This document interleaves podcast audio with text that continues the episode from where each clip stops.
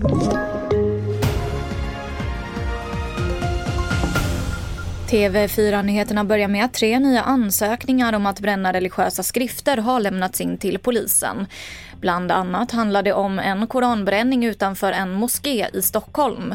Bakom ansökan om att bränna en koran står en kvinna i 50-årsåldern. Enligt ansökan vill arrangören bränna koranen snarast möjligt inom de kommande veckorna. Och det har ännu inte fattats något beslut i frågan. Konsekvenserna efter den uppmärksammade och kritiserade koranbränningen i Stockholm blir allt fler. Pakistans premiärminister uppmanar till landsomfattande protester nu på fredag.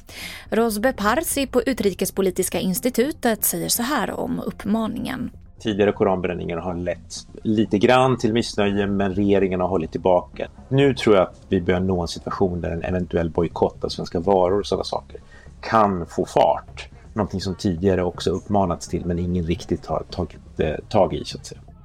Och till sist kan vi berätta att i måndag så var det den varmaste dagen i världen någonsin. Genomsnittstemperaturen låg då på 17,01 grader enligt det amerikanska centret för miljöprognoser.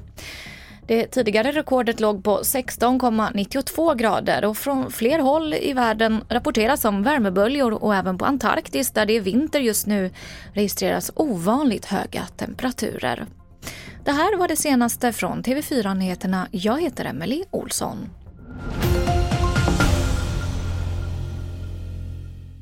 Ett poddtips från Podplay. I podden Något Kaiko garanterar östgötarna Brutti och jag, Davva, dig en stor dos skratt. Där följer jag pladask för köttätandet igen. Man är lite som en jävla vampyr. Man har fått lite blodsmak och då måste man ha mer. Udda spaningar, fängslande anekdoter och en och annan arg rant. Jag måste ha mitt kaffe på morgonen för annars är jag ingen trevlig människa. Då är du ingen trevlig människa, punkt. Något Kaiko, hör du på Podplay. Därför är gardinerna.